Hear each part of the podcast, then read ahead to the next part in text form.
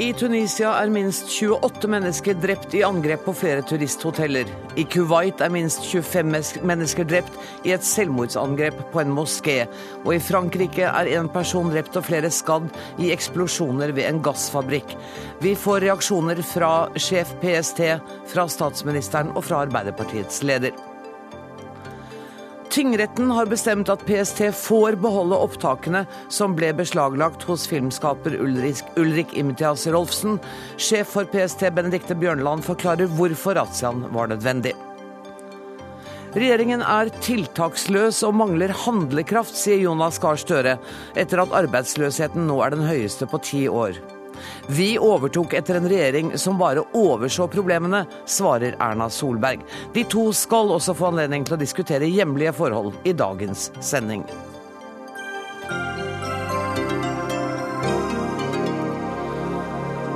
Dette er noen av sakene denne fredagskvelden, der vi også får besøk av forsvarsminister Ine Eriksen Søreide, som nettopp er tilbake fra sin europaturné. Men først. Minst 28 personer er drept etter angrep mot en turiststrand og to hoteller i den tunisiske feriebyen Sos, der flere enn 100 norske turister nå oppholder seg. I Kuwait skal minst 25 mennesker ha mistet livet i det dødeligste angrepet i nyere tid. Noen timer tidligere ble også Frankrike utsatt for et angrep. Det var kraftige eksplosjoner i en fabrikk i nærheten av Lyon, og én person er funnet drept. Det er nå også kommet meldinger om at det har vært en bilbombe i Mogadishu. Sjef PST Benedicte Bjørnland, vi har invitert deg til Dagsnytt 18 for å snakke om beslaget dere gjorde hos filmskaper Ulrik Imtias Rolfsen, men jeg vil gjerne begynne med å få en reaksjon fra deg på det som har skjedd i eh, verden i dag. Altså, vi er eh, dessverre ikke overrasket uh, over det som har skjedd. Det føyer seg inn i det bildet uh, vi har tegnet, uh, vår utenlandsetterretning for så vidt har tegnet, og det vi ser andre tjenester i Europa tegner av trusselbildet. Har dette ført til en ny trusselvurdering for Norge? Eh, det er jo en vurdering vi eh, har startet med å gjøre nå. Så vi vil fortløpende eh, vurdere det vi får inn av informasjon, og se om det er noe i den informasjonen som gjør at trusselbildet endres her. Per nå har vi ingen opplysninger om det. Men det er jo ganske ferske opplysninger, så vi har ikke noe klar trusselvurdering før det har gått noen dager. Dere må jo ha eh, snakket om dette, diskutert det på jobben i dag. Er det noe fellestrekk som dere kan se ved disse ulike terroraksjonene i dag? Vel, et uh, fellestrekk som ikke vi skal uh, gjøre altfor dyptpløyende analyser rundt, det er jo at det skjer i ramadan. Eh, og det er eh, for enkelte ekstreme islamister eh, så er det jo da ekstra gjevt å gjøre den type handlinger i ramadan. Mm. Så vidt jeg har sett, så er det bare terrorhandlingene i Kuwait der noen har påtatt seg ansvar, nemlig IS. Kan jeg be deg om noen teorier om hvem som står bak de andre terrorangrepene? Nei, det syns jeg er for tidlig, og vi har for lite informasjon. Da skal vi snakke med Didrik Danielsen, som er på ferie i Tunisia. Og du befinner deg bare 30 minutters gåtur fra hotellet som ble angrepet. Kan du fortelle hva som skjedde da nabohotellet ble angrepet? Uh, vi hørte ingenting til verken skudd eller noe som helst. Uh, vi ble bare henta opp fra stranda, og de ansatte på hotellet jaga oss opp igjen. Hmm. Skjønte dere hva som hadde skjedd da? Nei. Eh, vi trodde egentlig at det var en fleip helt til å begynne med at vi skulle gå fra stranda. Men alle, vi skjønte jo Det gikk jo ikke lang tid før vi bare begynte å pakke sammen og gikk oppover. Mm. Og da var eh, Vi må på en måte gå over bassengområdet for å komme inn på hotellet, og da var det allerede tømt. Hvordan det var jo merkelig, merkelig stille i forhold til det har vært før om dagen her. Hvordan er stemningen der hvor du er nå? Eh, vi for vår del syns jo det er veldig ubehagelig. Og det er jo en del folk som allerede er ute igjen ved bassenget. Brannen er avstengt. Eh, men det er òg en del folk som prater med inne her og ser veldig bekymret ut. da. Føler du at dere blir godt ivaretatt og er i sikkerhet? Eh, når vi kommer til sikkerhet, så regner jeg med det. Jeg tenker ikke noe spesielt på det. Eh, vi har ikke hørt noe fra D-tur ennå som vi reiser med, og det er jo det er egentlig den største påkjenninga akkurat nå. Mm. Du, dere må ha så bra ferie som dere kan fortsatt. Takk for at du var med i Dagsnytt 18, Didrik Danielsen. Korrespondent Sigurd Falkenberg Mikkelsen, hva vet du om angrepene i feriebyen Sos? Tunisiske myndigheter har sagt at, er at det dreier seg om én gjerningsmann som så ut som en turist. Han gikk i shorts, hadde gjemt Kalasjnikoven under en paraply. Eh, og at han deretter åpnet eh, ild eh, mot turistene. Det forklarer også hvorfor så mange ble drept. De var helt uforberedte, og mange ble jo, så vidt jeg forstår, bokstavelig talt drept på solsenga. Det har også vært snakk om om det var en båt som kom inn med to menn som også deltok i angrepet, men alt dette er uklart. Sky News melder at det kan virke som om det var turister som var målet for terroraksjonen. Og det du sier, går vel også i den retning? Ja, det tror jeg er ganske eh, sannsynlig å, å regne med. Det er ikke første gang turistindustrien rammes i disse områdene. Jeg sitter i Kairo nå. Dette var en velkjent problematikk på 1990-tallet, og er det fortsatt. Og Det å ramme turistindustrien er jo å, gjøre to ting på en gang. For det første så rammer man Vesten direkte gjennom disse turistene, og så rammer man da egen regjering og Eh, økonomien i landet. Det blir mye vanskeligere for myndighetene nå å styre når turistindustrien får seg en eh, knekk. Husk på at For Tunisia så er, representerer eh, turistinntekter, altså inntekter fra turisme kanskje opp mot 15% av BNP. Mm.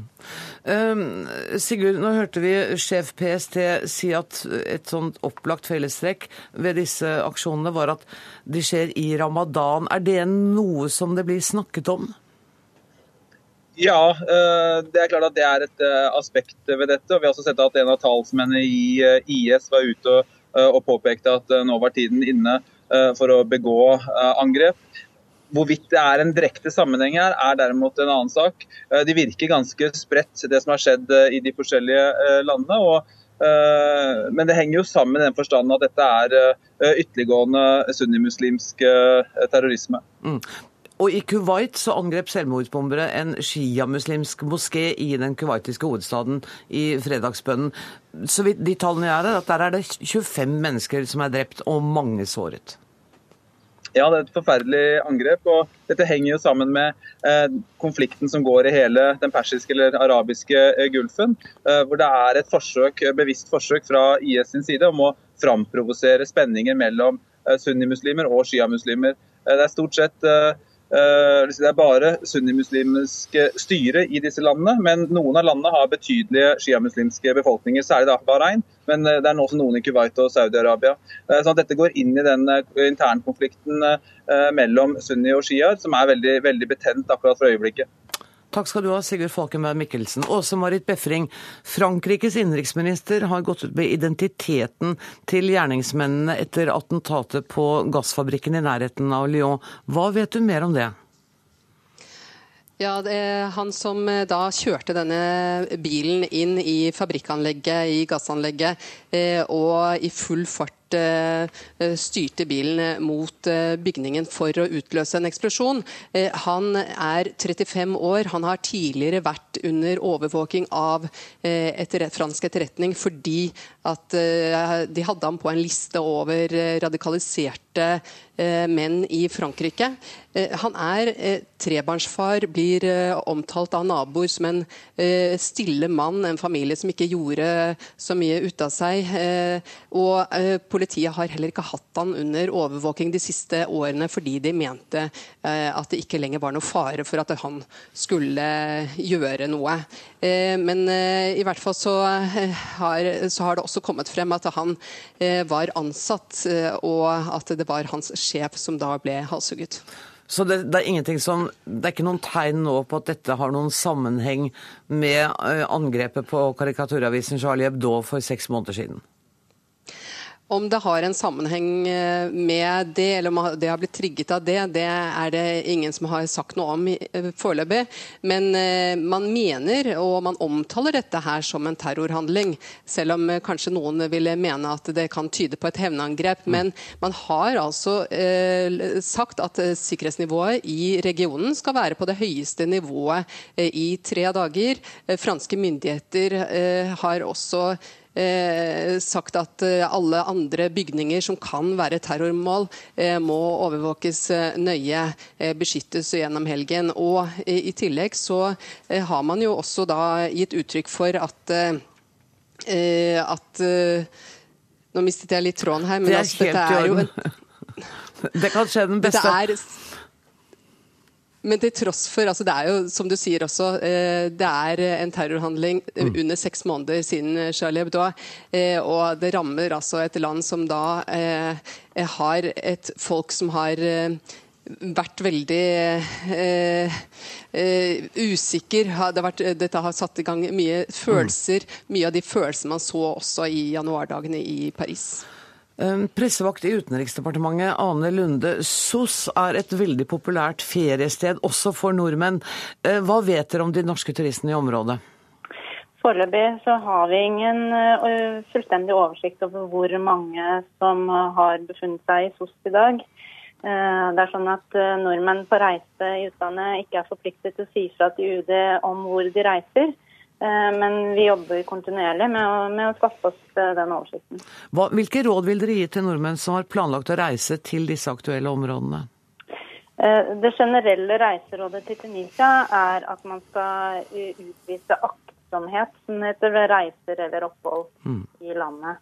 Og ellers så oppfordrer vi dem nå til å holde seg orientert via lokale medier om situasjonen og selvfølgelig holde seg unna områder som er urolige. Eller, ja. Takk skal du ha, Ane Lunde fra UD. Eh, før du reiser av går, Benedicte Bjørnland. Jeg fikk akkurat beskjed på øret om at eh, Spania har nå trappet opp beredskapen. Jeg forstår at dere nå er i en vurdering av det. Hvor lang tid vil dere bruke på å finne ut om dere skal høyne eller ikke?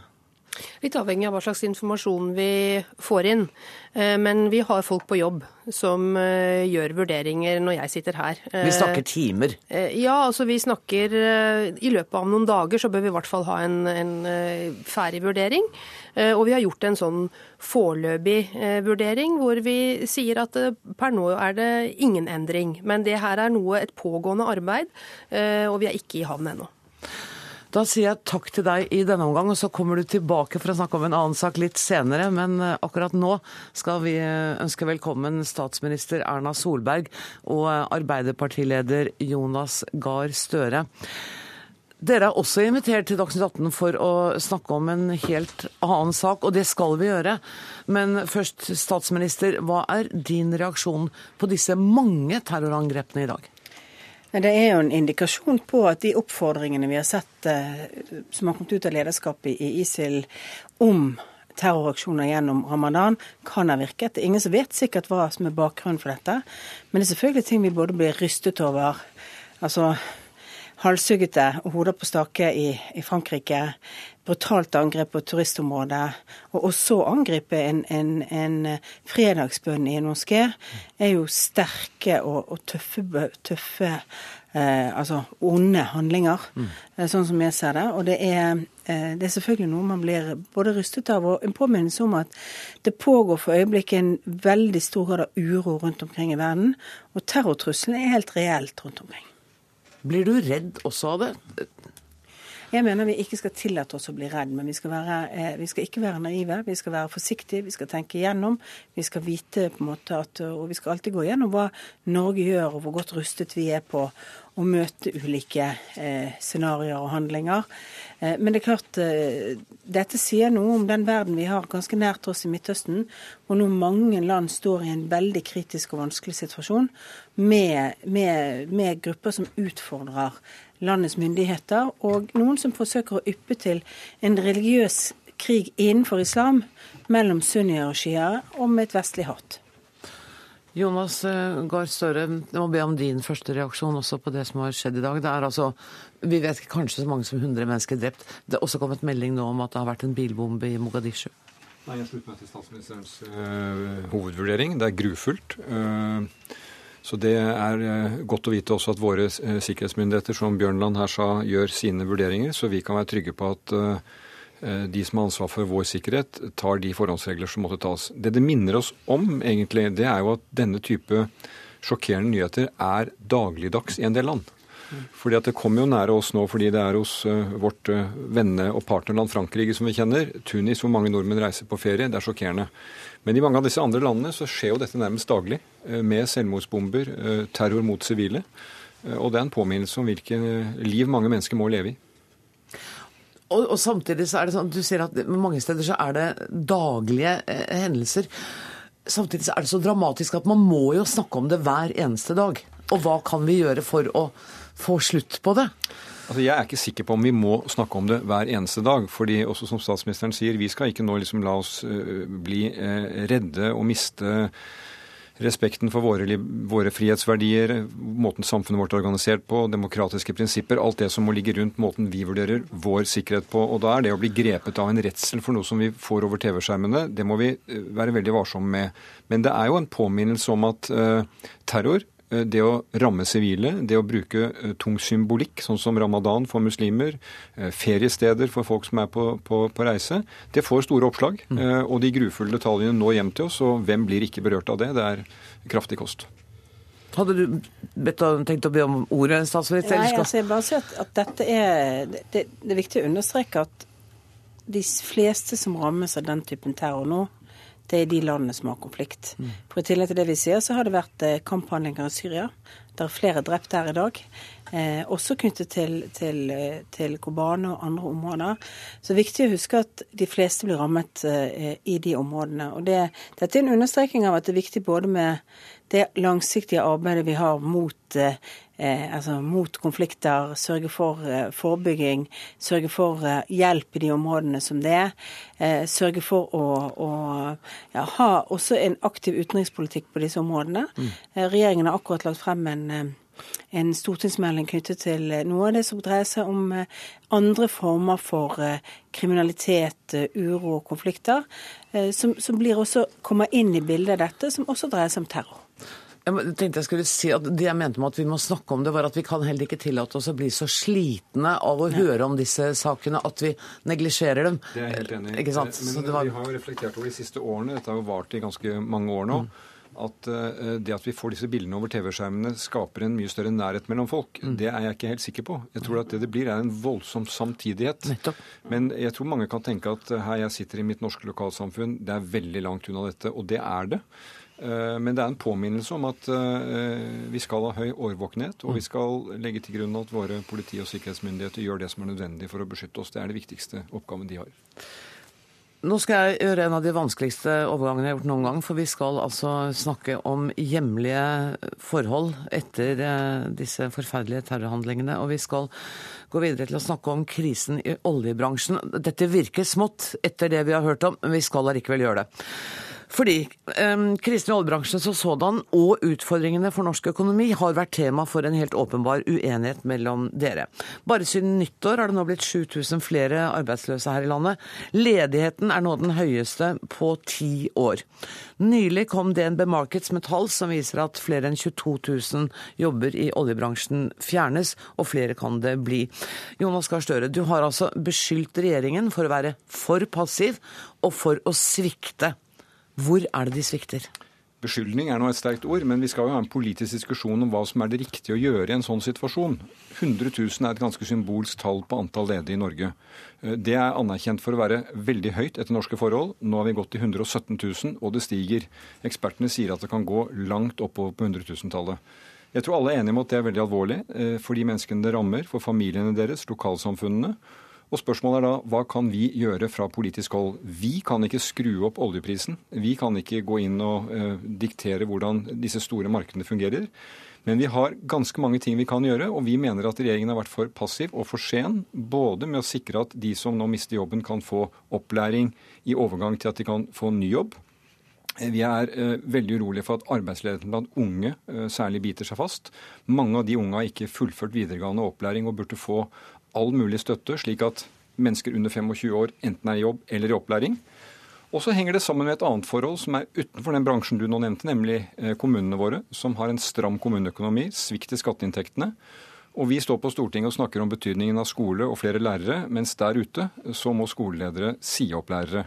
Og det er fordi vi etter min mening har regjeringen valgt feil strategi. Den har prioritert de store skattekuttene som ikke gir påviselig effekt eh, i denne situasjonen vi er i, og kunne brukt de pengene langt mer strategisk for å ikke uh, skru oljeprisen opp, som sagt, men for å uh, sørge for at folk får opplæring, at de kan komme i nytt arbeid, og sånn sett bidra til den omstillingen norsk økonomi må gjennom. Jeg kunne være fristet til å spørre om den regjeringen du satt i, var helt skyldfri, men det behøver jeg ikke gjøre, for jeg tror statsministeren kommer til å peke på et ansvar som ligger noe tilbake til. Nei, Jeg har lyst til å si noe om, om at det er to forskjellige ting som pågår på én tid i Norge. Det ene er den omstillingen vi har, hvor uh, vi går fra særstilling til omstilling. Hvor det faktum at oljenæringen har vært veldig høyt oppe, bidrar til uh, et konkurransepress for andre næringer. Det var den store debatten før valget i 2013, todelingen av norsk økonomi. Altså, uh, nå er det mindre aktivitet. Ikke så veldig mye mindre, vi er nede på sånn 2011-nivå.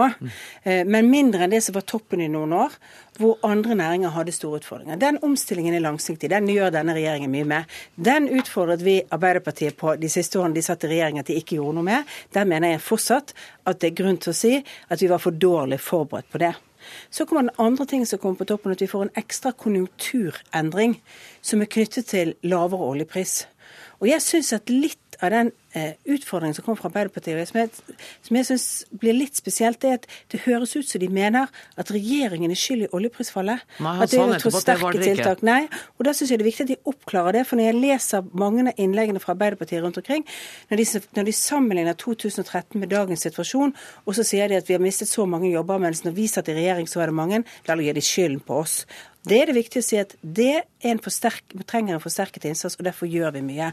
Og La meg ta noen eksempler på det vi gjør. Vi har nå løftet eh, investeringene i infrastruktur. Vi løftet de ekstra i forhold til å fremskynde noen planleggingsprosjekter i revidert nasjonalbudsjett for at vi skulle ha både høy aktivitet og fordi vi trenger det til fremtiden. De kortsiktige tiltakene henger sammen med de langsiktige omstillingene. Det er kjempeviktig. Når f.eks. Arbeiderpartiet da sier de bruker 90 millioner kroner mer på tiltaksplasser, og så kutter de 90 millioner på fremskyndingen av samferdsel, ja da kutter de faktiske ingeniørjobber gjennom sitt alternative reviderte nasjonalbudsjett. Det betyr at de vil heller ha folk på tiltak enn i jobb. Det syns jeg er en rar prioritering fra Arbeiderpartiet i den politikken de har lagt frem. For det å planlegge veiprosjekt, hva trenger du da til? Da trenger du ingeniører. Og Det er ett eksempel på den omprioriteringen. Vi bruker altså milliarder, og så kommer Arbeiderpartiet med noen hundretalls millioner på toppen, og så, og så anklager de oss for å være passiv når vi i bunn har en veldig høy aktivitet. En aktivitet som var så høy i høst at den gangen sa de det var for mye, og at vi brukte for mye penger. Nå sier de at vi bruker for lite. Jonas Gahr jeg vet ikke hvilket av disse poengene du skal ta, for her var det mange å velge. Noen, men eh, jeg mener at statsministeren ikke her forstår hva som pågår. Eh, eh, det som skjedde i høst, var at vi sa regjeringen bruker rekordmye oljepenger. Men så er den store satsingen det er disse skattekuttene som vi har spurt Finansdepartementet om. Har det stimulerende effekt i økonomien? De svarer det kan vi ikke si. Vi ville brukt de pengene annerledes. Og vi ville brukt mindre oljepenger. Vi kunne gjort en lang rekke ting for de pengene som nå gis ut, halvparten av dem til 5% av de med mest fra før. Vi kunne brukt dem på en lang rekke andre eh, tiltak. Og hvor mye snakker vi om da? 12-13 Nei, milliarder? altså, de, eh, ja, Det er de totale skattekuttene, men Nettopp. denne formuesskatten er en 6-7 milliarder. Nettopp. Eh, og når det gjelder samferdselsinvesteringene, vi har krone for krone like mye penger i våre budsjetter. De oppfyller stort sett den nasjonale transportplanen vi har vært enige om, er omtrent halvveis med den halvveis i perioden. Det er omtrent der det burde være.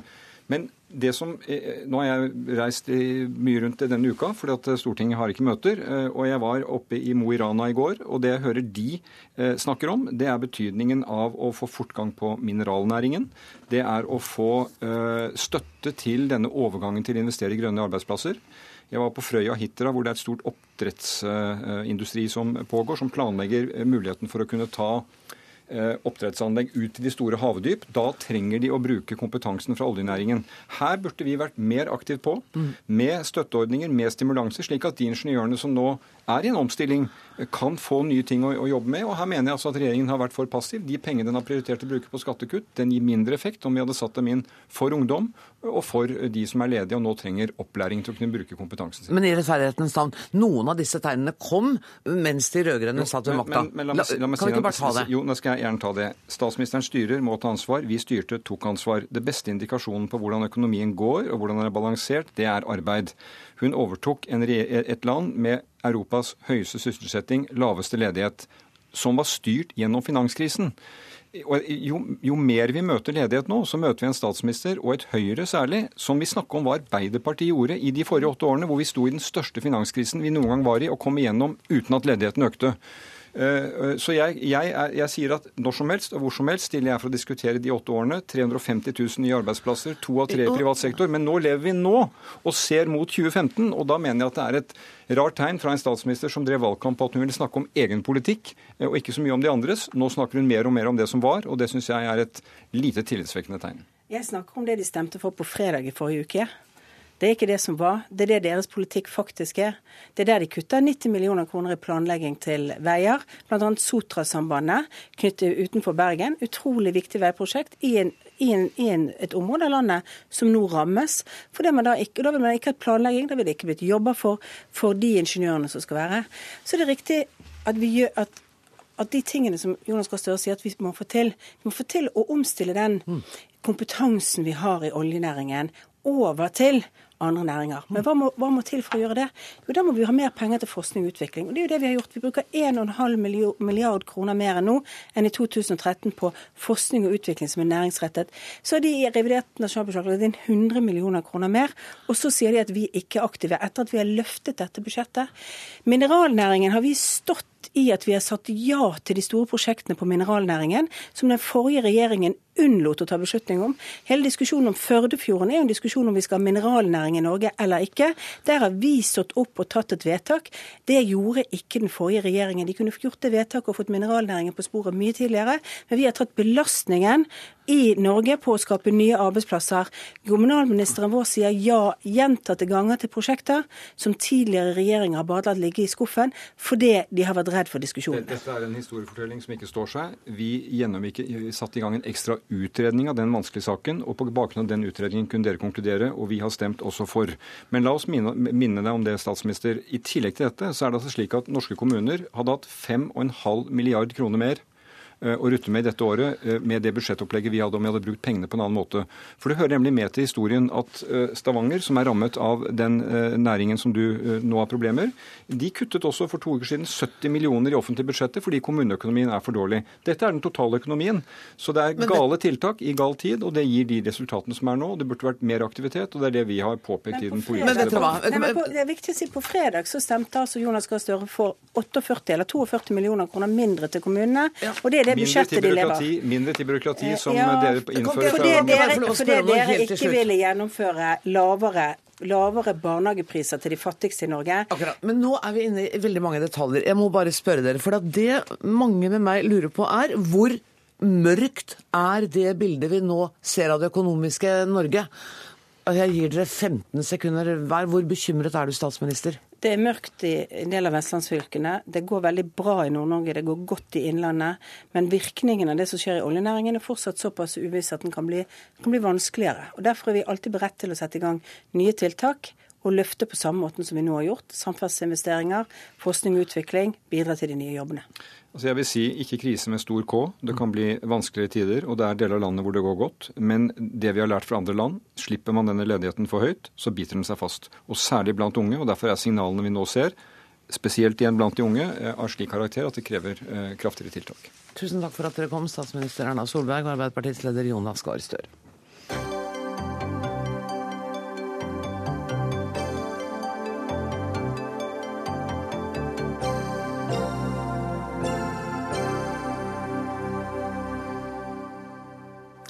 Velkommen tilbake, Benedicte Bjørnland, sjef PST. I dag har altså tingretten bestemt at PST får beholde opptakene som ble beslaglagt hjemme hos filmskaper Ulrik Imtias Rolfsen. Kjennelsen kommer til å bli anket, og så vidt jeg skjønner betyr det at PST foreløpig ikke får anledning til å se det beslaglagte materialet. Det er riktig, og det samtykker vi også i. Vi syns det er eh, rimelig at eh, retten, altså overordnet rettsinstans, lagmannsretten i første omgang, får anledning til å prøve dette. Hvorfor måtte dere gå med en ransakningsordre til en dokumentarfilmskaper? Vel, vi har sterke grunner til å tro at i det materialet eh, som befant seg hos Rolfsen, befinner seg viktige bevis knyttet til at en 18-åring hadde til hensikt å reise ut for å slutte seg til ISIL, men også bevis som kan knyttes til et rekrutteringsnettverk her hjemme i Norge. Dere har altså anledning til å bruke en såkalt hastebestemmelse eh, og gå til overordnet påtalemyndighet og be om underskrift, sånn at man kan gjøre dette. Kunne det ikke vært gjort på en normal måte? Hvorfor måtte dere bruke denne hastebestemmelsen som er meget sjelden brukt? Denne hastekompetansen ligger jo der hvis det er fare for forspillelse av bevis. Og vi fikk opplysninger gjennom ettermiddagen og ut mot kvelden eh, som tydet på at her var det fare for forspillelse av bevis. Og så må jeg understreke at den bevisforspillelsesfaren var ikke knyttet til Rolsen som person. Han er ikke på noen måte mistenkt eller siktet eller noen ting i saken? Helt riktig. Han har status som vitne. Men du, er det ikke umusikalsk eller eh, rett ut dumt av en sikkerhetstjeneste å gå inn og gjennomføre denne ransakingen og utfordre kildevernet? Kunne dere ikke ha gjort dette på en annen måte? Altså, Vi benyttet jo eh, hastekompetansen gjennom førstestatsadvokaten. Så det er korrekt påtalemyndighet som har fattet en avgjørelse. Ja. Vi ser at dette er et utfordrende bilde. Eh, samtidig så mener vi at eh, sakens alvor tilsa at vi sikret oss disse bevisene.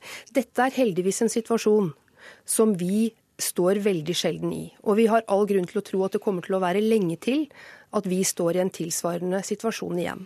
Men eh, vi har anledning, og særlig i dette tilfellet har vi prosedert på at eh, kildevernet trådte ikke inn fordi vi visste hvem disse personene var som befant seg i materialet til Rosen. De var kjent av dere? De var kjent av oss gjennom andre eh, kilder, altså annen inngang til informasjon, mm. så eh, hadde vi med stor grad av sikkerhet kunnet si at vi vet hvem dette her er. Og da trer ikke kildevernet inn, slik som dere eh, definerer det? Og som tingretten har gitt oss en tilslutning til. Um, visste du om denne razziaen før den eh, ble iverksatt? Altså Det var jo ikke noe razzia. Nei, vi men denne ransakingen? Vi, vi, fikk en ransakingsbeslutning fra førstestatsadvokaten, og vi dro hjem til Rolfsen, og vi fikk utlevert materiale. Visste du om det før de dro ut? Jeg visste ikke om det. Eh, men det var heller ikke nødvendig, fordi eh, det er ikke jeg som hadde påtalemyndigheten her. Her måtte vi opp et takk til overordnet påtalemyndighet. Men Ideelt ville det ikke vært naturlig at sjef PST hadde visst om en så spesiell handling? Jo, eh, nå var det et, et vesentlig hastemoment i saken. Ideelt sett så hadde jeg også vært inne i loopen, mm. fordi det er en svært følsom beslutning å gå til, å gå hjem til en filmskaper og hente den type materiale. Eh, og det har en omdømmemessig konsekvens. Så ideelt sett så hadde jeg vært inne i loopen. Mm. Men eh, jeg hadde tatt akkurat samme vurdering selv. Og jeg stiller meg helt og holdent bak den beslutningen som ble tatt den kvelden. Dette her har skapt storm. Var du overrasket over de kraftige reaksjonene som kom? Nei, Nei, jeg var ikke det. Eh, og jeg ser jo at eh, sånn omdømmemessig så er dette krevende for oss som sikkerhetstjeneste. Samtidig så viser den dilemmaet vi står i. Eh, altså, vår rolle er å håndtere de alvorligste truslene mot dette landet. Og vi skal forhindre, vi har en internasjonal forpliktelse gjennom FN-resolusjoner, til at fremmedkrigere reiser ut og deltar i konflikten i, i Syria og Irak. Her snakker vi om en tenåring mm. som hadde til hensikt å slutte seg til en terrororganisasjon. Så, og jeg tenker jo at det, eh, det er få ting som er mer viktig enn å bidra til at denne type uh, handlinger stanses, og vi får en oppklaring uh, av denne type saker. Vi skal ha en liten debatt om dette etter at du er gått, men, men før du går um VGs Fridtjof Jacobsen skrev 9.6 at det krever en moden og reflektert ledelse for å hindre at fristelsen til å beslaglegge materialet hos utenforstående kan bli for stor. Har vi en slik ledelse i PST i dag? Jeg håper jo og tror det. Altså det jeg skal jo vurdere meg selv, jeg ja, da. Ja, det er egentlig. det jeg ber deg om. Ja, og det er jo en øvelse man skal være varsom med. Men eh, jeg har mange gode medarbeidere rundt meg, og i fellesskap så står jo vi i svært dilemmafylte avgjørelser hver eneste dag. Eh, og jeg får forsvare meg selv litt da, og mene det at eh, jeg tror vi tar mange gode og kloke vurderinger. Men det er vanskelig. Mm. Og det er få fasitsvar. Men det er bare vi som landets sikkerhetstjeneste som har ansvaret for å forebygge terror når vi kommer i den aller spisseste enden. Det har ikke Fridtjof Jacobsen. Det har ikke landets redaktører. Og det har heldigvis ikke jeg. Tusen takk for at du kom til Dagsnytt 18, Benedicte Bjørnland. Ulrik Imtias Rovsen hadde altså ikke anledning til å være med i Dagsnytt 18 i dag, men har sagt til NRK tidligere at han mener kjennelsen er en trussel mot demokratiet. Pressens rolle er eh, veldig viktig. Vi ser det i varslingssaker. Pressen skal ikke gå i veien for politiet, men, men pressen har en annen oppgave enn politiet til å avdekke eh, saker i, i samfunnet mitt arbeid blir eh, alvorlig hindret av, av, dette, fordi jeg vil ikke lenger ha tillit i et miljø som, som er lukket og som er vanskelig å få innpass i, og dermed hindres i å, å kunne formidle dette miljøet. Kjersti Løkken Stavrum, generalsekretær i Norsk Presseforbund, en av de skarpeste kritikerne til det som har foregått. Nå har du hørt PST-sjefen begrunne hva de gjorde. Har det forandret din oppfatning av saken? Nei, det har jo ikke det. Eh, jeg er veldig glad for at kjennelsen i dag allerede er eh, anket, og regner også med at den blir anket til Høyesterett hvis ikke lagmannsretten eh, mener noe annet enn det tingretten har gjort. Men PST har, så langt jeg har kunnet vurdere det i dag, opptrådt helt etter boka. Påtaleansvarlig i PST har fremmet en ransakingsbegjæring, man har gått til høyere påtalemyndighet. Og, og reglene finnes. De har i lovverket adgang til å gjøre dette. Mm. Altså, nå har jo akkurat statsministeren og Arbeiderpartiets leder sittet her og snakket om den frykten som vi alle er eh, preget av i dag, og hvor viktig det er at vi ikke kaster på båten demokratiske prinsipper på bakgrunn av frykt. Mm. Men jeg ser jo at det er vanskelig å snakke om disse tingene på en dag som dette. Men det som er at Ulrik Rolsen er en filmskaper som eh, skal prøve å, å finne svar på to veldig viktige spørsmål. Eh, hvem er det som blir ekstreme islamister? Eh, og hvorfor blir de det? Det er hans oppgave. Så kommer politiet inn fra eh, ingensteds fra og tar det materialet som han skulle bruke til å opp, bidra til, en, eh, til, viktig informasjon ut i samfunnet. Det politiet gjør da, er at de skremmer selvfølgelig dem som Ulrik Rolfsen har skapt tillit hos. Mm. Men de skremmer alle andre også. Eh, det fører til det advokatene kaller for en såkalt skilling-effekt, eller altså en nedkjølende effekt. Vi blir redd for eh, å fortelle ting i fortrolighet til en journalist fordi politiet plutselig kan komme og ta det. Og dette er Et av de punktene som kommer fram i denne eh, kjennelsen i tingretten i dag, er jo vurderingen opp mot eh, menneskerettighetsdeklarasjonen nummer ti om ytringsfrihet. Mm. Og at vi skal ha rett til å formidle informasjon uten at myndighetene griper inn. Og blant annet det punktet mener jeg at dommeren har eh, tatt lett for lett på, egentlig. Mens eh, vedkommende ja. har lagt mer vekt på at man faktisk hadde en skjellig grunn til å gripe inn, fordi man da kunne redde en 18-årings liv. Ja, men så skal vi jo huske på at denne 18-åringen altså var pågrepet på det tidspunktet, og er varetektsfengslet, ble det for fire uker. Og da mener jeg at vi får vel tro da at politiet også hadde noe annet enn å stole på at Ulrik Rolfsen skaffet bevismateriale for dem. Lars Akerhaug, du er journalist og forfatter av boka 'Norsk eh, jihad'. Du har sagt at pressen her går i flokk i fordømmelsen av PST. Ja, jeg synes det. Men la meg først si at jeg har eh, stor respekt for det arbeidet Imtias eh, Rolfsen nå gjør.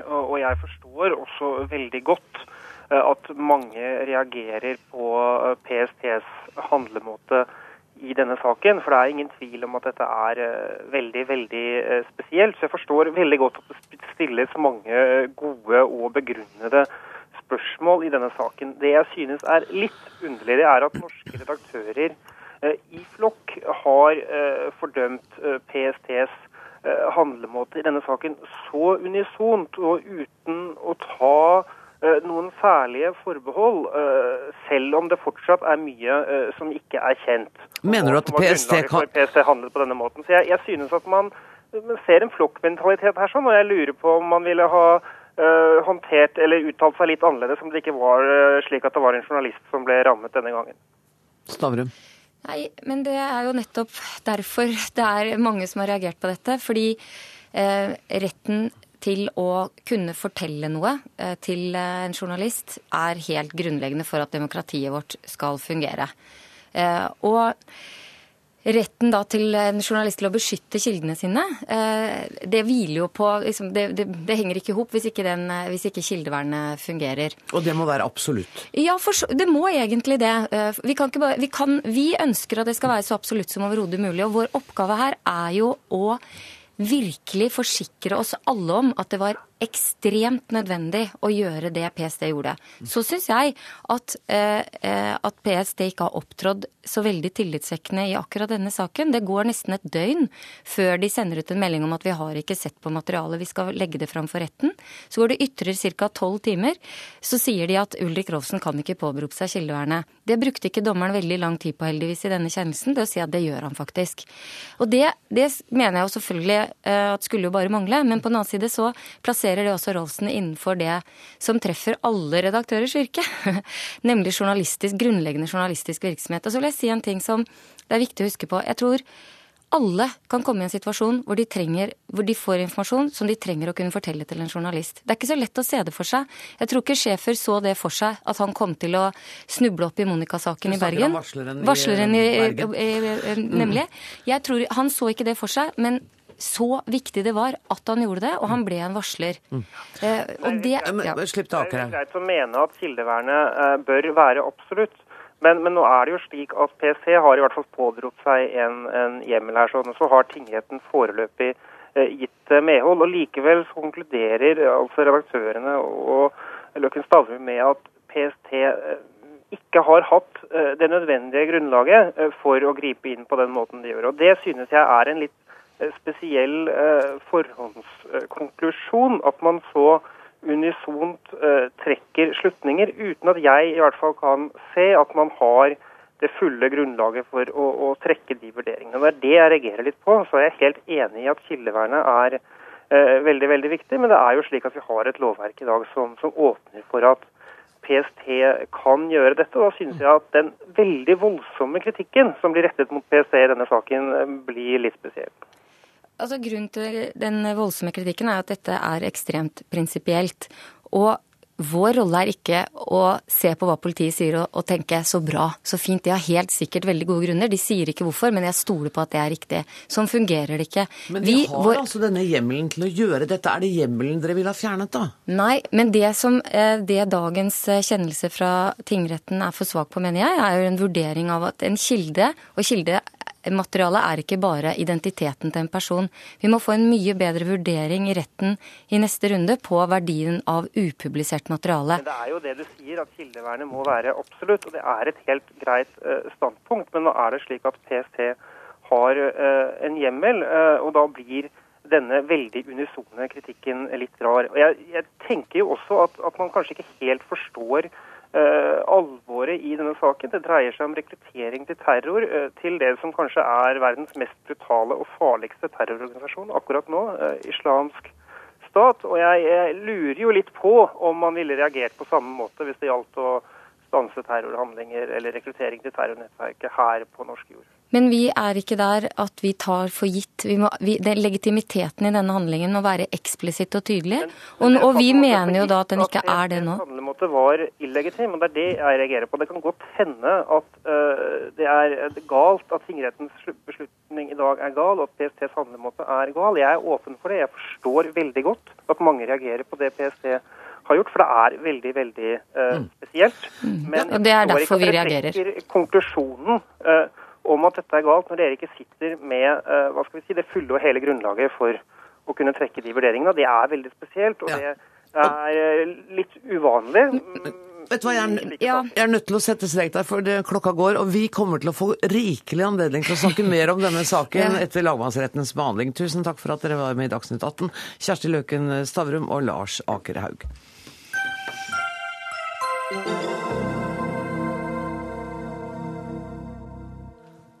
går utover rettssikkerheten når advokater får for dårlig betalt av staten. Det mener advokater som varsler én ukes streik for at lønnen de får nå når de f.eks. jobber med barnesaker, helsevern og utlendingssaker, skal bli over 1000 kroner timen. Mariana Losic, advokat. På hvilken måte kan advokaters dårlige salærforhold gå utover rettssikkerheten? Jo, det er på flere områder. Det jeg først føler for å presisere, det er at du sier lønn på over 1000 kroner ja, timen. Salær. Salær. Eh, nettopp. nettopp. Det er en forskjell. Det er en ganske stor forskjell, ja.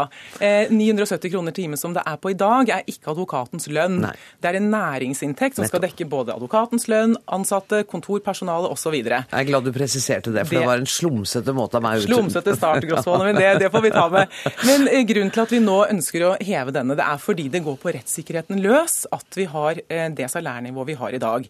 Eh, et eksempel på det, det vi reagerer mest på eh, overfor justis, der vi har bedt om møte, det kommer etter hvert, ser det ut som nå, det er at i disse sakene som treffer folk mest, typisk barnevernssaker mm. der vi representerer privatpart, ofte foreldre, men også barn, så har staten bestemt at vi skal ha en salærsats på 970 kroner timen, og kun få jobbe så og så mange timer med saken.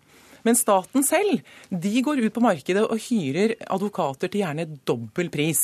Så de eh, spyr ut midler til sine egne advokater, eh, som da eh, kan jobbe i mange timer. De har ingen begrensning på timeantallet de bruker, og med noen ganger dobbelt av det salæret de gir oss.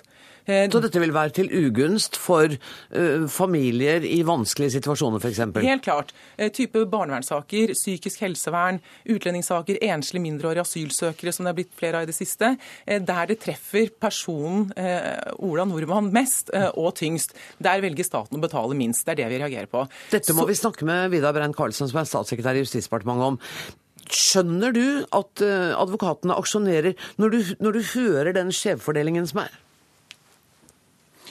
Jeg har ikke noe mer forståelse av den uh, streiken som er blitt varsla nå, basert på den fremstillinga der. Jeg syns ikke det er veldig godt sammenlignbart uh, hva staten betaler for sine de tjenestene de må kjøpe i, eh, i et fritt marked, med den uh, salærsatsen som da går til de som ikke betaler for sin egen rettshjelp. så, det, det syns jeg er en litt sånn rar sammenligning. Hvorfor, hvorfor kan ikke det sammenlignes? Når, når Advokatforeninga nå Hvorfor kan ikke det sammenlignes? Jeg skjønner ikke det. De, utgangspunktet er at utgang, Utgangspunktet er at, kjøpe, at, man kjøper sine egne eh, advokattjenester. Hvis man da ikke kan kjøpe eh, den tjenesten, så stiller staten opp. Og det gjør vi for veldig mange, og stadig flere. Og, og eh, Det er ikke dermed sagt at, at det er en markedspris skal, som staten skal betale for den enkelte. Da. Det er, og det har, vært lavere, og det er, har vært lavere over lang tid. Men også vil jeg utfordre Advokatforeninga, hvis de faktisk mener at salærsatsen skal opp på en, den den vanlige markedsprisen, så syns jeg de skal være tydelige på det. For det har de ikke sagt så langt. Nei, jeg, må, jeg, føler for å kommentere det. Statssekretæren begynner med å si at han ikke skjønner at advokatene går til streik. Det er ikke det vi gjør. Vi går ikke til streik, og vi går ikke til en lønnskamp for advokatens salær. Det er ikke det som er fokus på dette. Det vi går til, det er en rettshjelpsaksjon. Eh, der, aksjon, da? Ja, ja, takk. Og det er ganske stor forskjell på, på det vi snakker om. Og denne rettshjelpsaksjonen, i første grad, i første rekke, eh, så går den ut på at rettshjelpsordningen må bli bedre, og at tilbudet om rettshjelp må bli bedre. Det må være lettere for folk å, å få hjelp der de trenger det. Eh, denne uken i august der vi skal aksjonere, så skal vi stå på Tinghustrappen og tilby fri rettshjelp til folket. Det er jo ikke slik at vi går i streik og ikke gjør noen ting den uken. Eh, det var det første. Og så eh, får jeg, tør jeg si at jeg opplever det som noe arrogant av statssekretæren når han sier at folk som ikke betaler for sin egen rettshjelp, at det er det det handler om. Dette er jo ikke folk som velger å ikke betale for sin egen rettshjelp. Dette er en svak, en svak gruppe. Nå er det jo bestemt slik i loven at en viss menneskekrets har krav på fri rettshjelp. Og da er det jo viktig at man faktisk får det. Og får den beste. Og får den beste, for det er jo ofte det, er det, som, det, er det vi nå er redde for. For det vi ser, det er at advokater som har jobbet i mange år og fått en kompetanse på dette området, de velger seg bort fra dette rettsområdet eh, som fri rettshjelp dekker. De velger andre typer saker der de kan få betalt langt mer. Eh, og så er det slik at eh, lovgiver eh, de kommer med stadig forbedring hva gjelder rettshjelpsområdet for folk. Ikke sant? Men det hjelper jo ikke det at det området utvides, hvis man ikke samtidig sørger for at man får den hjelpen. Mm. Og det mener vi er situasjonen slik den er i dag. Brein Karlsen, du skal få lov å komme med et langt svar, du òg. Ja, folk får jo den hjelpa. Og det viser ingen tegn til at det, at det plutselig ikke er advokater til å ta de, de jobbene. Men når det er sagt, så, er, så, så ser vi helt tydelig det Eh, engasjementet advokater har knytta til den rettshjelpsaksjonen, som jeg, jeg, skjønner at eh, det er snakk om, og ikke en, eh, en, en streik. Og, og, Vi skal, ønsker selvfølgelig å møte Advokatforeninga og, og, og, snakke om det her. Men, og, så er jeg også enig med Låsic i at det er klart, det er ikke snakk om folk som ikke ønsker å betale eller ikke vil betale, men de får altså denne hjelpa gratis fra staten. Og, på nytt igjen da, så vil jeg høre, altså Mener Losic at staten skal betale full markedspris, som da er flere tusen kroner. Er det, er det, det som er det riktige svaret på det her? Nei, det jeg, jeg, tror det, det fortsatt er fryktelig mange gode advokater som jobber her. så Det, ja. det er om å gjøre for Advokatforeningen også å ikke snakke ned de folkene. Du, Det er overhodet ikke det, det, vi gjør. Vi snakker ikke ned noe som helst. Når det gjelder markedspris, så er det ikke det vi er ute etter. Det vi er ute etter, er at uh, vår salærsats skal følge lønnsutviklingen i samfunnet. For det som faktisk er skjedd eh, i løpet av 2015 Vi fikk en økning på vår salærsats på 5 kroner. Fra 965 til 970 kroner timen. Det er en økning på 0,52% I statsbudsjettfremlegget som ble lagt frem nå, eh, for 2015, så mente man at en samlet lønnsvekst ville være på 3,25% Og Det betyr at salærsatsen vår er underregulert med 2,75% Det kunne jeg godt tenke meg et svar på fra Brein Karlsen, hvorfor det skal være slik. Ja, Nå bidrar altså du sjøl til å dra det her opp mot denne eh, lønnsutviklinga som du tok avstand fra i begynnelsen Nei, av sendinga. Jeg tok ikke avstand fra lønnsutvikling. Nei, men det, altså, Du snakker om at det her er ikke lønn, og det, det har du helt rett i. Men da kan du ikke plutselig skifte over til å snakke om at det er lønn likevel. Vi betaler ikke lønn i de her sakene. Staten betaler for en tjeneste som dere leverer på frivillig basis. Da, Hvis dere ikke vil det, så er det ingen som tvinger dere nei, til det heller. Da ønsker, da, og det, det, må man jo ha i bakhodet også når, når vi diskuterer det her. Og, og, da blir det veldig feil å, å, å, å sammenligne det her med en vanlig lønnsutvikling. Vet dere hva? Jeg, jeg. Jeg gleder meg til å høre temperaturen på det møtet Advokatforeningen skal ha med Justisdepartementet. Der skulle jeg gjerne vært. Jeg er nødt til å sette strek her, men dette kommer vi til å snakke mer om. Takk til Mariana Losic, og takk til statssekretær Vida Bein-Karlsen.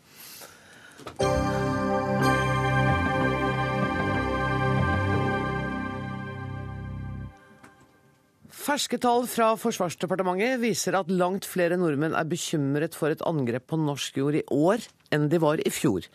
Samtidig ruster Nato opp i Øst-Europa, og Russland skal ifølge en amerikansk rapport ha øvd på en invasjon av Norge.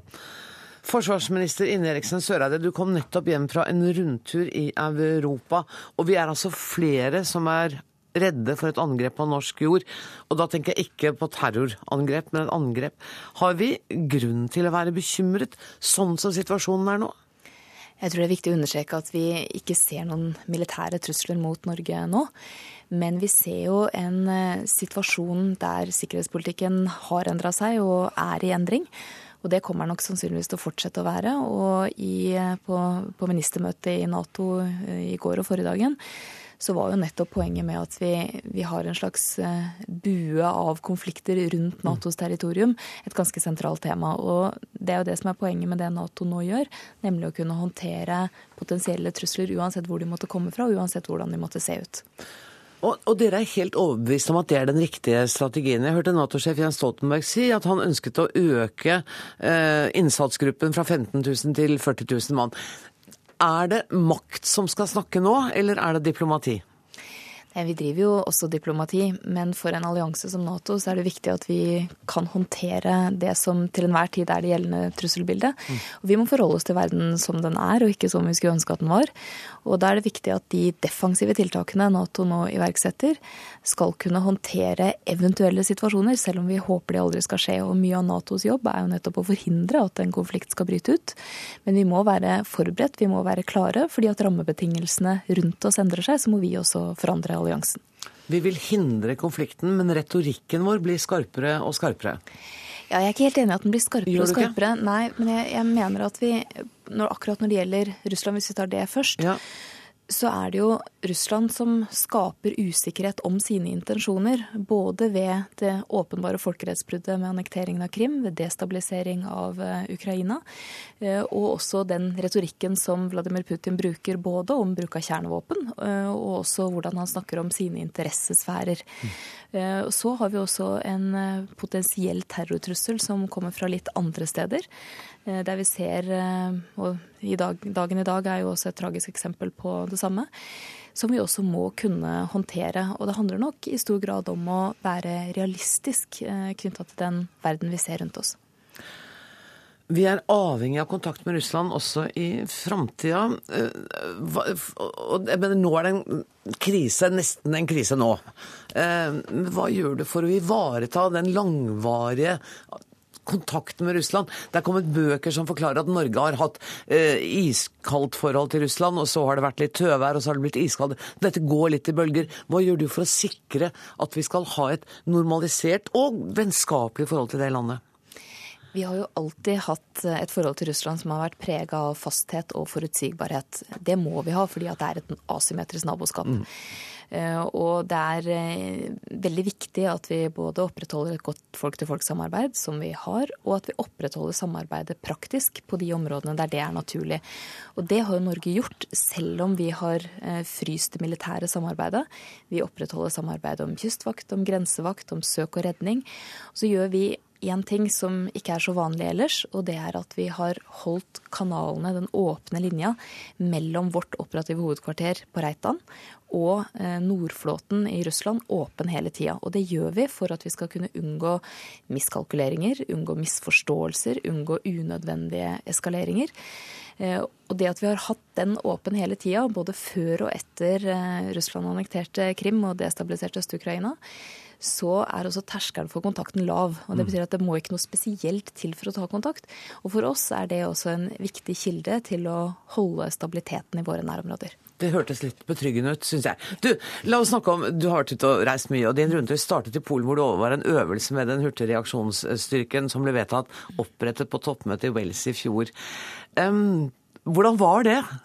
Det var en veldig fin øvelse. Det er jo Norge, Nederland og Tyskland som har gått sammen om å lage denne piloten til den nye hurtigreaksjonsstyrken. Og da er det også viktig å prøve og teste om den fungerer som vi håper og tror. At den har rask utrykningstid. Og at, ja, 48 timer, det høres helt urealistisk ut. Det er eh, en, eh, det er en ambisjon som er En ambisjon som er ambisiøs, har jeg nær sagt. Det er, eh, det er det. Men samtidig så er det jo nettopp det å teste om det fungerer i praksis som er viktig. Nå går vi inn i en fase med evaluering, hvor vi må se på alt fra papirarbeid til eh, faktisk forflytning. Hvor lang tid tar ting? Klarer vi å samhandle landene imellom? Eh, og veldig mye tyder på at vi klarer det godt. En av årsakene til det er jo at vi har operert sammen i mange år ute i internasjonale operasjoner. Kjenner hverandre godt, vet hva vi kan og ikke kan. Eh, og det er klart at det er en betydelig hjelp når vi nå går inn i en fase hvor Nato trenger å øke, eller altså senke reaksjonstida og øke reaksjonsevnen og utholdenheten sin. Og der, uh, Du har jo nå snakket med din amerikanske kollega også da dere var i Tyskland. Um, og amerikanerne har jo i, lang tid kritisert Europa for en svak forsvarsinnsats. Var det noe han tok opp med deg? Ja, Vi snakker jo stadig med amerikanerne om dette. Jeg hadde også et uh, veldig godt bilateralt møte med Ashton Carter i går. Jeg må tenke meg om det er så dagene går litt i, i surr her. Um, hvor vi diskuterte også framtida til Nato etter det neste toppmøtet. fordi at vi må jo gjøre to ting på en gang. Vi må både implementere det vi har vedtatt, og tenke framover. Uh, jeg er alltid veldig nøye med å understreke, både til mine europeiske kollegaer og min amerikanske kollega, at vi ikke tar USA for gitt. Vi er avhengig av amerikansk lederskap i Nato i Europa, og vi ønsker det. Uh, og det å holde USA engasjert i Nato er viktig for å beholde relevansen for Nato i framtida.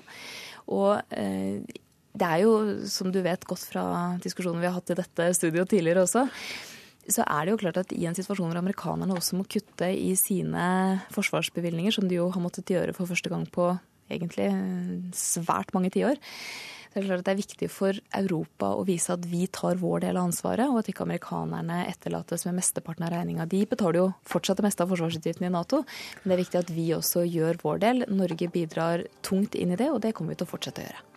Tusen takk for at du kom til Dagsnytt 18, forsvarsminister Ine Eriksen Søreide. Det gjenstår bare å fortelle at ansvarlig for sendingen i dag var Hege Holm. Det tekniske ansvaret har Finn Lie. Jeg heter Anne Grosvold og ønsker dere alle en riktig god helg.